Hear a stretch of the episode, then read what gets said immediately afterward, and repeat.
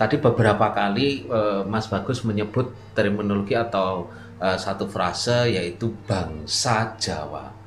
Nah, so, saya jadi ingin tahu Mas, sebetulnya yang disebut bangsa Jawa itu siapa dan apakah kemudian itu identik dengan suku Jawa? Terus uh, kemudian ketika uh, kita juga melihat bahwa gugusan uh, Pulau Jawa itu sebetulnya seperti apa waktu itu?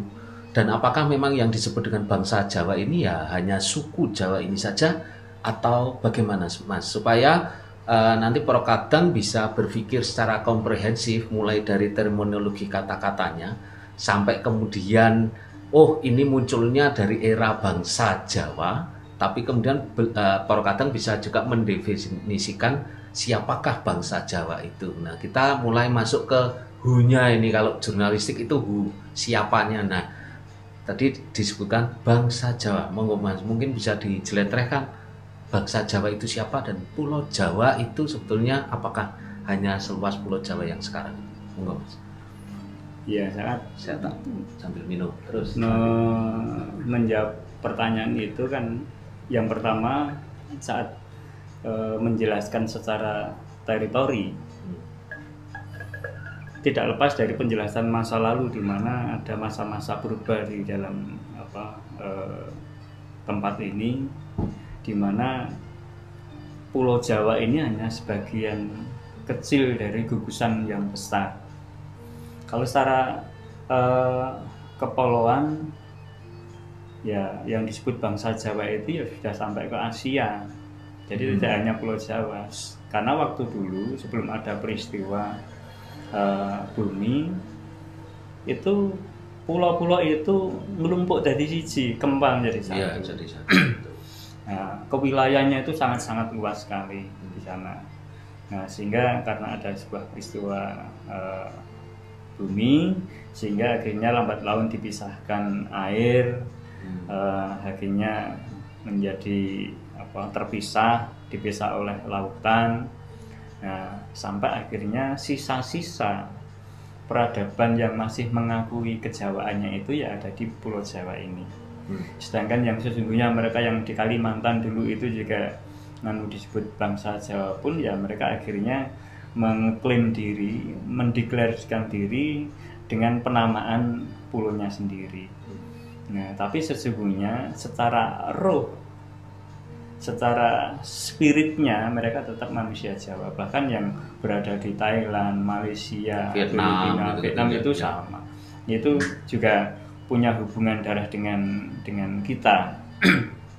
Jauh dari itu kalau nanti mau uh, dijelaskan sampai pada tahap uh, mengenai asal usul manusia Jawa ya kita flashbacknya terlalu jauh. Jauh. Ke sana.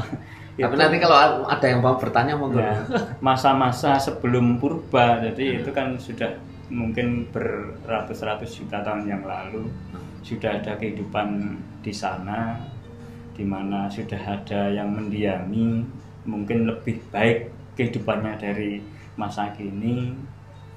Nah, ada beberapa yang spesifik yang yang sudah berkoloni di dalam gugusan Pulau Jawa, yaitu ya namanya ras liren kalau di di sini. Ras liren ya mas? Ya, ras ya. liren. Nah ini menjadi cikal bakal manusia Jawa. Nah, walaupun nanti terjadi missing link, terjadi putus uh, di dalam sejarah karena tidak tidak ada data karena memang di situlah kalau kita mau menulis sejarah tidak ada data yang valid ya tidak mungkin bisa uh, terdokumentasi secara baik. Tetapi bagi poro kadang yang mungkin uh, sudah terbiasa dengan lintas batas mungkin bisa wira-wiri hmm. sampai ke nganu sana bisa melihat sendiri wujudnya seperti apa nah sehingga ini bisa menjadi bagian dari kegembiraan kita sebagai manusia Jawa karena mempunyai leluhur yang begitu luar biasa yang kehidupannya jauh lebih canggih tidak memakai ilmu pengetahuan tidak memakai ilmu tek dan teknologi tapi dia sudah ya dia mempunyai kecerdasan secara intelektual dan spiritual, Spiritual. yang sangat tinggi. Ya. Sedangkan kita memang kelihatannya perjalanan ke kini itu kok semakin lama semakin nun sewu agak bodoh. Hmm. Entah jadi kehidupan kita semakin terombang-ambing dengan keadaan sekitar kita sehingga kalau ada orang yang mengatakan kok lama-lama kehilangan jati diri ya karena memang kita tidak pernah nuhoni kejauhan kita. Jadi semakin tidak nganu memelihara ke kejauhan kita ya semakin kita itu meninggalkan diri kita semakin meninggalkan kejauhan kita lalu kita menjadi bangsa yang lain dan inilah eh, yang salah satu peristiwa di mana nanti terhubung dengan Wahyu Mataram tersebut Ya, J. Ya, menyangkut tentang bangsa Jawa, ini ada statement atau pernyataan dari Resi Ramayana di Bekasi. Beliau menulis Kamboja merdeka tahun 802 Masehi.